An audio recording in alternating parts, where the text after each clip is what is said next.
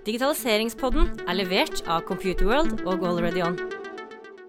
Velkommen til eh, Digitaliseringspodden. Mitt navn er eh, Dag Rustad. Eh, ved min side pleier jeg å ha med meg Jens Christian Bang. Han er dessverre syk i dag. Så i hans fravær så har vi fått en sporty ansvarlig redaktør i form av Anders Løve fra Computerworld som stand-in. Takk, takk. Um, og vanligvis Anders, så pleier jo vi å sitte inne i et studio med en gjest. Men i dag I dag er vi eh, her på, eh, på CIO-forum, eh, kunstig intelligens i praksis. Kjempegøy, og ikke minst få lov til å stå foran mennesker. Det er jo både gøy og skremmende, men, men vi satser på at dette skal gå bra. Nemlig. Vi hopper i det. Vi har i dag en fantastisk spennende gjest som er første taler på konferansen. Dette er en kar som har en, en lang og spennende bakgrunn. Han er fysiker. Han har jobbet i konsulentbransjen i form av å ha vært en del av Accenture. Eh, Og ikke minst så har han ph.d. i nevrovitenskap før han ble CEO i Nora AI. Velkommen, Claes Pettersen. Tusen takk for det. Ehm, og Claes, ehm, for at ikke vi skal For oss altså, som ikke kjenner Nora godt nok, da, bortsett fra at det, vi er kjent for å ha godt syltetøy, eh, så må vi, vi må skille litt. Hva er Nora AI? Eh, og Hvilket Ja. oppdrag er det dere har? det. Det er greit kanskje å kalle oss Nora.ai eller Nora.ai, for det er kunstig intelligens vi driver med, ikke syltetøy. Eh, og om noen år så kommer vi jo til å kjenne igjen Nora som, som kunstig intelligens, ikke syltetøy. Eh, nei, vi, vi, det er jo dette utrolig spennende fagfeltet som har eksplodert de siste åra. Og det har gjort at norske universiteter har gått sammen om en fellessatsing innenfor fagfeltet. Eh, Så åtte universiteter, tre høyskoler og fem forskningsinstitutter eh, går sammen eh, om å satse på kunstig intelligens. Det, det er ganske eksepsjonelt. Det er ikke noe annet fagfelt hvor det har skjedd. Så det sier jo også noe om viktigheten av fagfeltet kunstig intelligens. Og, og, og satsingen handler da om forskning, som ble nevnt, men også om utdanning og innovasjon.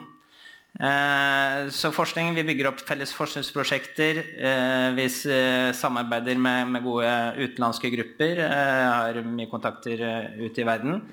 Eh, Når det gjelder eh, utdanningsdelen, så er det særlig på ph.d.-nivå. Så vi har akkurat nå etablert en nasjonal forskerskole for kunstig intelligens, hvor vi skal utdanne fremtidens forskere, men også de som skal inn i industri med, med doktorgrad.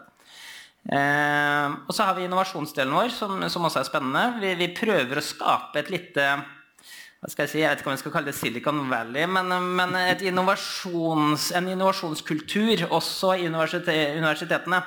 Eh, det spesielle med kunstig intelligens er jo at det er fryktelig anvendt også. Eh, og det er her. Det, blir, nevnt at vi ser framover til at kunstig intelligens skal komme, men, men kunstig intelligens er her jo i høy grad. Fra du bruker ansiktsgjenkjenning til å åpne opp telefonen, til du får din Facebook-feed. Alt er styrt av kunstig intelligens eh, der. Så det er jo et fagfelt eh, som er her. Og Innenfor innovasjonsdelen så jobber vi med oppstartsselskaper. Eh, Vi prøver å få mer innovasjon ut av universitetene, og instituttene, og jobber tett med, med, med 40 AI-oppstartsselskaper som, som driver forskningsdrevet innovasjon.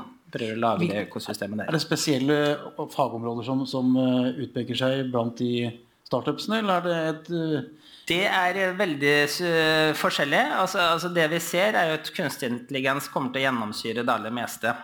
Eh, der, vi, der, der det er gjort store, kjente framskritt i det siste, det handler om språk, og det handler om bilder. Eh, det er i hvert fall to veldig tydelige steder. Og også en del andre spesialverktøy som vi kanskje kan snakke om, om senere. Altså det tar over også for standard fysikksimuleringer, så er det en del steder hvor du har mye data, hvor det er bedre å bruke datagrunnlaget du har, og estimere typisk framtida. Det kan være vær, det kan være hva som helst, basert på data istedenfor fysikkformuler. Eh, så vi ser at det tar over domener innenfor fysikken også. Men, men, eh, men det som har fått størst oppmerksomhet, i hvert fall, er jo disse språkalgoritmene som, som en Google-ingeniør mente på var mer eller mindre bevisst etter hvert. Det, det er jo bare tull. Men, ja, Vi kommer men tilbake til akkurat de eh, trendene litt senere. Men, men, men for å se litt på Du nevnte at dere har et internasjonalt samarbeid. Eh, hvordan er liksom Norge på kartet i forhold til, eh, til resten av Europa? Ja. Norge gjør det relativt eh, i hvert fall ok eh, innenfor forskning. Altså vi publiserer ganske mye eh, forskningslitteratur, artikler. Vi skulle gjerne hatt noen flere spisser der. Vi har noen gode miljøer, men skulle enda hatt enda flere toppforskningsmiljøer. Nå blir det tildelt noen såkalte Senter for forsknings... SSFF-er, eh, som blir tildelt av Forskningsrådet nå i morgen, så jeg håper det kommer noen kunstig intelligens inn der. Men forskningsmiljøene eh, er relativt gode. Vi, vi ser at det ikke blir um, så mye verdi ut av det i Norge. Altså det, det blir ikke brukt så mye industri. Det er ikke så mye innovasjon som i andre land. Så der ligger andre foran. Så, så, så, det vi har gjort, er å knytte oss mot noen verdensledende miljøer der. Vi har um, veldig sterkt samarbeid med Storbritannia, som er kjempegode. Eh, mange av de store firmaene eh, i Europa innenfor feltet kommer derfra. DeepMind har kanskje noen eh, hørt om. De produserer ekstremt imponerende algoritmer. Um, så vi, vi, samarbeider der med noe som heter Alan Turing Institute, som er på en måte litt en sånn Nora på steroider der borte, da, hvor uh, Oxford, Cambridge og UCL, de store universitetene, har gått sammen og samarbeider om mm. kunstig intelligens. Så der er vi samarbeid. Og så har vi opparbeida et sterkt samarbeid med, med USA. Og, og, det er jo på, på, nasjonalt nivå. Det er egentlig Kunnskapsdepartementet som har inngått en avtale med Department of Energy der borte om en fellessatsing på kunstig intelligens. Mm. Um, og, og, det er jo mm, det er en prosess som, som har fulgt uh, i lang, lang tid, og, som, uh, og, avtalen ble underskrevet nå i våres. Og, og Department of Energy de har ikke bare eksepsjonelt gode kunnskapsmiljøer, men de har jo også jeg tror de har nå fem av de ti raskeste og beste supercomputerne i verden, bl.a. Så det er de som har infrastrukturen i verden i stor grad. Mm. For å avrunde litt rundt Nora AI og hva dere er. Eh, hvis folk ønsker å komme i kontakt med dere, eh, er det nettsiden? Ja, nora.ai Nora er bra utgangspunkt der. Informativ, bra side som eh, der, der står det om de tingene jeg har nevnt nå, og veldig mye mer. Da, så det er jo veldig mye mer som skjer. Men, men det, er, det, handler om forskning, innovasjon og, og utdanning innenfor feltet kunstig intelligens. Så bra. Vi skal se litt på trender. Mm. Eh, og det er klart det er jo noe alle er eh, spente på. Hva, hva skjer innenfor AI? Ja. Eh, og, og, vi har tre områder som vi skal snakke litt om i dag. Eh, og det første, Du har nevnt egentlig alle tre. Eh, men det første vi tenkte vi skulle ta en lite dykk i, det er jo eh, språkalgoritmer. Ja. Um, og, og, og, det er jo noe vi kanskje har vært kjent med gjennom de store selskapene, Google og ja. osv. Men, men der har det skjedd litt endringer. Ja, eh, ja det, er, det, er, spennende. Du, dere ba meg plukke ut tre områder. Og jeg er helt sikker på at en annen person hadde plukka ut tre helt andre områder. Eh, men, men, jeg, men, jeg, tok nå istedenfor å være bare visjonær og se inn i krystallkula om hva som skal komme, så, så, ser jeg på hva som akkurat nå har kommet, og som er veldig aktuelt nå. Eh, og da er jo disse store språkalgoritmene veldig aktuelle. Eh, det er, det er, algoritmer som, eh, som, koster fryktelig mye energi og datakraft å trene opp. De trener på store deler av internett. Um, og det er jo bas, Basisen for kunstig intelligens er data. Uh, og Det er derfor vi har et, en enorm eksplosjon. Det er, det er, data, og så er det ikke minst regnekraft. Uh, og så er det jo algoritmene selv som også har utvikla seg og blitt bedre. Da. Men det er liksom tre pilarer for kunstig intelligens. Uh, og de store firmaene i verden som har mye data, det er jo sånn som Google og Facebook osv. Um, eh, og, og, og, det du ser da, er at de, de, de har klart å produsere um, disse språkalgoritmene som begynner å bli skummelt gode. Da. Så hvis du sitter og du kan sitte og bruke det som en slags chatbot og snakke med den, og det tar ganske lang tid nå, så får du klare å avsløre at det ikke er et menneske som sitter i andre enden. Så det blir, det blir, nesten som en Turing-test som faktisk ja. virker, da? Ja, det kan du si. Så nå er vi ganske nærme å, å, å ha en Turing-test som du sier, som, som, virker. At det består Turing-testen. Altså det at du tror det er et menneske. Skal, du skal være ganske det, det, tar litt tid jeg er nå. Du skal være litt smart for å lure, lure den helt. Da, for jeg må jo innrømme at Når man opplever eh, såkalte kunstig intelligente chatboter, så, så, føles det ikke alltid like eh, en, mer kunstig uintelligent enn eh, kunstig intelligent, kanskje. Men er det, er det, sånne ting fordi de forstår kontekst og, ja. og, og sånt bedre? Ja. Og de store, store språkalgoritmene de er jo veldig generelle. Så, så de du kan gjøre veldig mye med dem. En ting som de blir brukt mye til, er oversettelse. Eh, så der kommer, det kommer du til å se nå at mm, de nye algoritmene er mye bedre enn de gamle. Og de kan oversette mellom mange språk. Så det er det som heter multilingual. Eh, at, eh, at, at du har mange språk som den oversetter mellom. Eh, og, om de store firmaene sånn som Facebook har jo et mål om at du skal kunne snakke i telefonen, eller gjerne inn i deres metaverse, vil jeg tro, i, i 3D osv., og, og kunne snakke med ditt språk. Og at eh, mottakeren oppfatter det på sitt språk automatisk. Eh, så, så det, det, er ambisjonen. Eh, men, men de selve algoritmene de er eh, kjempegode til, til veldig mye. Altså de kan alt fra Du kan ta en vitenskapelig tekst på mange sider, og så kan du be den oppsummere den på en halv side for en syvåring. Og så kommer det en relativt god oppsummering som har med seg nøkkelpunktene i et enkelt språk. Du kan eh, med vanlig språk fortelle om et dataprogram du skal programmere. Skriver inn i vanlig, vanlig språk, og så kommer det opp en algoritme i Python f.eks. Eh, og de begynner å bli ganske gode altså, og er nyttige verktøy. Um, og kan bli brukt til veldig mye. Det er egentlig bare fantasien som setter grenser. Da. Det er jo ganske nye verktøy mye av det her. Noe av det vi også ser, som, som vi var inne på, det var jo at uh, det er jo de store. altså The big four, ja. som man ofte refererer til.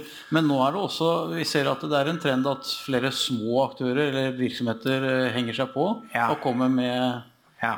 med bidrag inni en, eh, Du ser at en del av disse algoritmene, og kanskje enda større grad de, mm, vi, kan, vi, skal snakke litt om bildealgoritmer òg, men, men, det er jo kommet uh, mange nye bildealgoritmer som kan ved at du skriver inn en liten tekst, så genererer, genererer algoritmen on the fly et bilde. Eh, og, og, både språk- og bildegenererende algoritmer var forbeholdt de aller største i verden. Det var de som produserte de.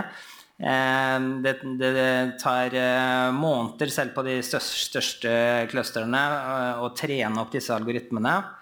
Språkalgoritmene som er her nå, de, de har typisk 175 milliarder parametere som den driver og justerer gjennom treninga si.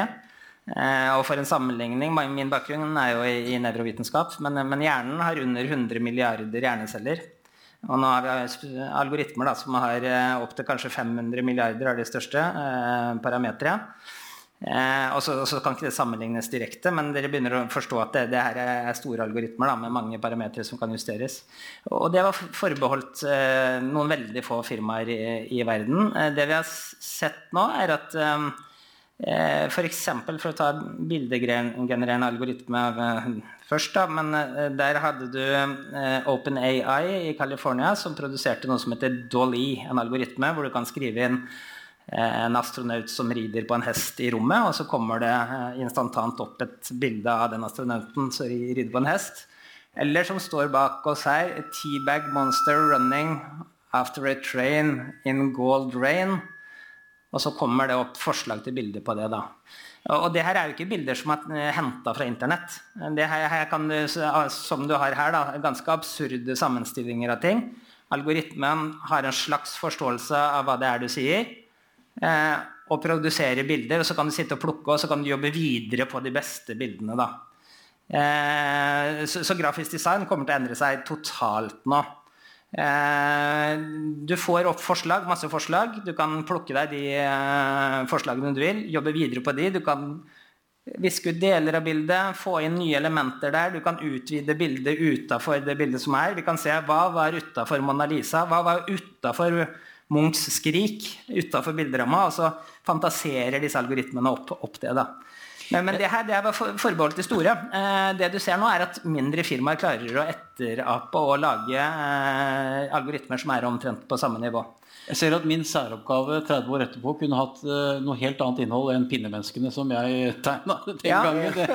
vi, vi, har jo allerede begynt å bruke det her i Nora når vi sender ut nyhetsbrev og, og slikt. Det er ikke noe vits for oss å abonnere på databaser med bilder. Vi bare genererer dem, så sender vi ut nyhetsbrevet vårt med, med AI-genererte bilder. Eh, så, så, så det er, og det er helt nytt. Er noen, noen, av disse verktøyene de kommer nå. Eh, det første som het Dolly, kom kom i våres. Eh, og så ser vi at det som er inne på, er at så kommer det små firmaer faktisk etterpå. Relativt små i hvert fall. F.eks. Stable Diffusion er det som heter, som har klart å lage lignende algoritmer med et lite team i et relativt lite, lite firma. Så det er en spennende trend. At mindre firmaer klarer å gjøre det som før kunne være forbeholdt de aller største. Mm. Dette her er jo eksempler eh, som vi ser bak oss på skjermen her, eh, av forskjellige eh, ting man har skrevet inn, og så får man forslag, og så kan man plukke da et bilde eh, som man mener er det som er mest beskrivende i forhold til hva man selv så for seg. Eh, dere vil være på stand etterpå, eh, så dere kan faktisk få lov til å se det live hvis dere ønsker det. Så kan dere teste litt sammen med, med Nora AI og, og, se hvordan den fungerer. Så det, det oppfordrer jeg alle til å, å, gjøre. Det er kjempeartig uh, verktøy. Et annet uh, område, og nå går vi litt inn i, i din tidligere bakgrunn, dette som går på alfafold, altså det å predikere ja. formen på protein. Ja. Det, begynner bli, det, begynner å bli avansert, men, men jeg kjenner at det, det pirrer min nysgjerrighet på hva, hva, er det for noe, Klas? Eh, ja, det er, det er firmaet DeepMind som er, som er, kjøpt av Google. Eh, DeepMind fra Storbritannia. Eh, for å ta litt bakgrunn, da. Proteiner styrer alle prosesser i, i kroppen. Eh, proteiner er liv, på en måte. Eh, det er også typisk da mål for medikamenter. Så, eh, så det er kjempeviktige for å styre prosesser i cellene. Eh, det har vært, Over mange tiår har det vært et stort problem at man, altså man Nå så er med DNA-teknologi det er jo ikke noe problem å sekvensiere deg. Det er ikke noe problem å vite hvilken aminosyresekvens du har i kroppen. Og det som skjer er at Disse aminosyrene de er en lang strikk av aminosyrer som du slipper. Og, og, så krøller den seg sammen og blir et protein. da. Akkurat. Og, og, formen på det proteinet det, det, sier veldig mye om funksjonen, og det sier veldig mye om hvor du kan forsøke å påvirke funksjonen med medikamenter. Eh, og, og, det har vært lenge en drøm å, å, å klare å simulere seg fram til formen. Dette er jo i prinsippet fysikk. Du har atomer med krefter mellom dem. Eh, men det er så komplekst, det er så mange partikler som vekselvirker, at det har vist seg veldig vanskelig å bruke bare vanlig standard eh, fysikk på det. Så, så, det man har gjort gjennom årtier, er å gjøre eksperimenter for å prøve å uh, finne formen. Men uh, man, man, kan ikke se proteiner i vanlig lysmikroskop. Uh, så man må bruke avanserte teknikker som det typisk kan ta ett år, og kanskje bruke over en million kroner på å finne formen på ett protein. Og det har man møysommelig gjort for mange av de viktigste proteinene i kroppen.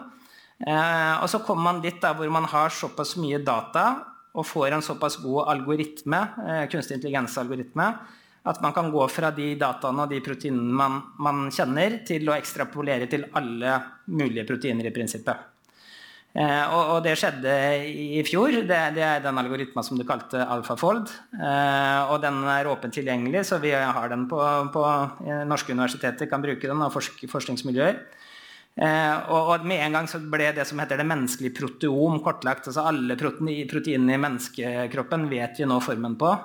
Og, og kan da begynne å gjette på hvordan vi skal manipulere dem i sykdom. Å, ja. Men Betyr det at man kan, man kan kjøre simuleringer med kunstig intelligens istedenfor å gjøre eh, fysiske forsøk? Ja, det... Så, så, det var litt det som eh, jeg prøvde å komme fram til. ja, Helt riktig. En del fysikkdomener hvor du har mye data, så kan det nå ofte være mer effektivt å bruke datagrunnlaget og predikere på bakgrunn av det med moderne kunstig intelligens-algoritmer enn å prøve å simulere det.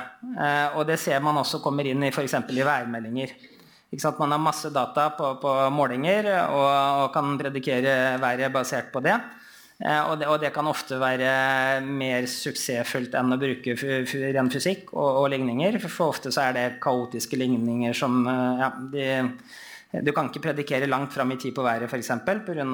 Små, små justeringer i, i initialtilstand fører til store konsekvenser. Men, men, men, kunstig intelligens har det datagrunnlaget det skal til å kunne predikere enda bedre i mange tilfeller. Da. Hvor mye av dette her er egentlig reell si, eller, eller, forskning på kunstig intelligens, og hvor mye av det er si, tilgang til eh, maskinvare og datamengder? Ja. Forskninga er jo typisk i, i selve algoritmeutviklinga, så klart. Eh, og etter hvert også i å forstå algoritmene du selv har utvikla. For det her er jo så store beist at det er vanskelig å forstå hva som egentlig skjer i algoritmene. Eh, og det er jo et forskningsfelt også, f.eks. når vi så disse bildene her, så er det jo forskningsfelt også hva eksakt burde skrive for å få den typen bilder eh, du vil, og hvorfor. Eh, så det er jo forskningsfeltet. Men, men veldig mye nå handler jo om, som du sier, å ha nok datakraft og nok data til å trene opp og kanskje justere allerede eksisterende algoritmer. Da. Så man kommer langt med det nå.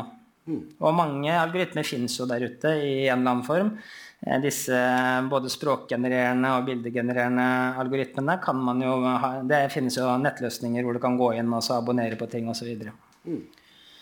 For, for, oss som eh, ikke er, eh, har ph.d. i nevrovitenskap, hva, hva, hva, utgjør dette? da? Hva, liksom, hva, kan vi se fremover på bakgrunn av denne banebrytende kunstige intelligensen innenfor, innenfor proteiner? Ja, nei, Innenfor proteiner så er det første skritt i, i å finne medikamenter. Eh, det handler jo da om å gjøre syke folk friske, typisk. Eh, leve lenger. Leve lenger, ja. Eh, bedre liv. Og ikke minst i og med at algoritmer er så gode på bildegjenkjenning, så er jo også mye diagnostikk innen medisin nå AI-basert. Vi får flere og flere algoritmer som nå er på nivå eller forbi eh, erfarne radiologer i å kunne se eh, på et bilde om det er kreft eller ikke, typisk, da, i bildet. Mm. Eller kunne skille mellom mm, forskjellige typer kreft og, og, hvilke, og mer og mer eh, presisjonsmedisin, som det heter. At eh, Man har jo fått opp øynene at brystkreft er ikke brystkreft, det er mange varianter avhengig av dine gener og deg, så kan du få en medisin som, som passer bedre til deg. Det, det, er presisjonsmedisin. Eh, og, og, der går kunstig intelligens inn i stor grad både når det gjelder diagnostikk, men ikke minst også når det gjelder uh, utvikling av nye medikamenter. Spennende. Mm.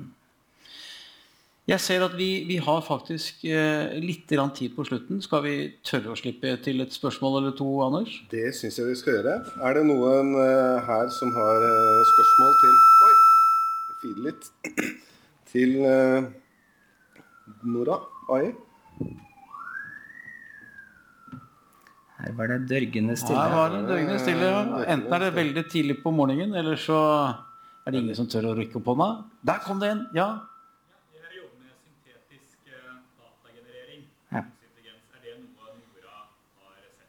Ja. Spørsmålet er altså uh, Han jobber med syntetisk uh, datagenerering og kunstig intelligens. Om, om, det er et felt dere ser på?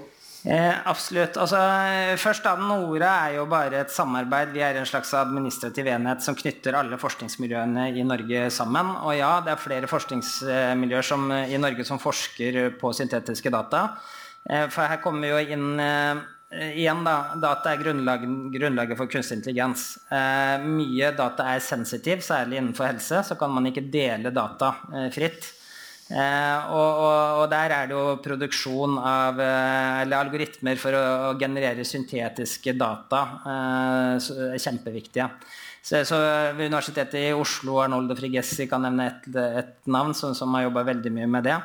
Eh, men det er absolutt et stort forskningsfelt, og et viktig forskningsfelt. Eh, fordi at skal du bli trygg på algoritmen din, eh, så må du ha en viss grad av transparens. Og da, er, da må man kunne forstå hvordan algoritmen fungerer, men så bør man også kunne ha tilgang til dataene.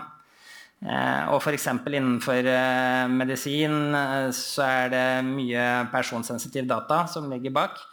Eh, og, og, da, og, da, kan man generere, basert på sensitive data, kan du generere lignende data, men som ikke kan knyttes til personer.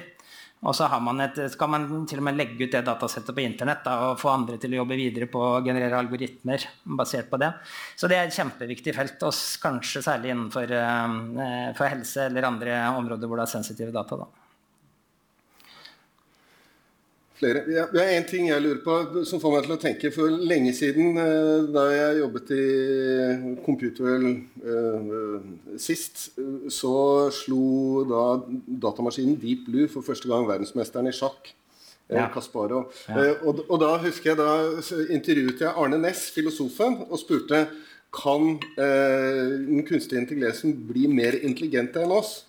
Og Da hadde han et interessant svar, for han sa at eh, et filosofisk system kan ikke skape et som er mer intelligent enn seg selv. Og så er spørsmålet Tenker man likt i dag? Eh, altså, Det kan bli mer effektivt, men vi kan ikke lage noe som er smartere enn oss selv? Eller begynner det å bli ting man eh, tenker litt annerledes på? Det er litt breialt av meg å stå her og si at Arne Næss tok feil, da. Men, eh, men, det tror jeg han gjorde. det har forandret seg samme, siden 94, altså. Ja, nei, men ja. så har du litt samme argumentet at eh, kan man forstå uh, hjernen kan, altså Forståelsen er et hjerneprodukt. Kan du forstå hjernen? Kan du skape noe som er smartere enn deg selv? Og, i prinsippet så har vi forstått det grunnleggende i naturen òg. Vi har forstått naturlovene på en måte. Problemet er, er kompleksiteten når du, når du knytter dette, disse sammen. Og på samme måte vi, så, kan vi lage algoritmer som, som, eh, som, etterligner de moderne algoritmene etterligner i stor grad hjernen. Eh, det, heter dype nevrale nettverk, som er på en måte det samme vi har i hjernen. Eh, og, og, ja, man ser nå område etter område. Du nevnte sjakk. Man gikk forbi mennesket i sjakk. Eh, Men det er jo domenebasert? det er domenebasert, og det ser du domene for domene, så taper mennesket nå. Mm. Og så er jo spørsmålet da om eh, det som heter artificial general intelligence, altså om du kan binde disse domenene sammen til å få en generell intelligens eh, som er smart på alle domener. Eh, og som kan bli smartere enn mennesket. Jeg mener helt klart at svaret er ja. Jeg, det, det skjer ikke i morgen, for å si det sånn. Men, men common sense, som alltid har vært uh, utfordringen, kanskje? Ja, ja samtidig som, som, common sense er ikke noe mer enn din livserfaring med data og din vei gjennom livet. Så, så, så, det er ikke noe magisk i det, egentlig. Men, men, det her er, det er langt uh, fram i tid. Det er ikke noe som på en måte jeg bruker veldig mye tid til å tenke på nå, for nå er det de spesifikke områdene, domenene, som på en måte er, viktige. Men, men, det er ikke noe prinsipp at man ikke skal kunne generere noe som er smartere enn en selv. Eh, det er det ikke. Jeg tror vi eh, sånn tidsmessig eh, er i mål. Ja. Vi må avslutte. Så før vi går, så sier vi tusen takk til Claes Pettersen fra Nora AI. Anders Løvøy og jeg, Dag Rustad, takker for oss. Takk for meg.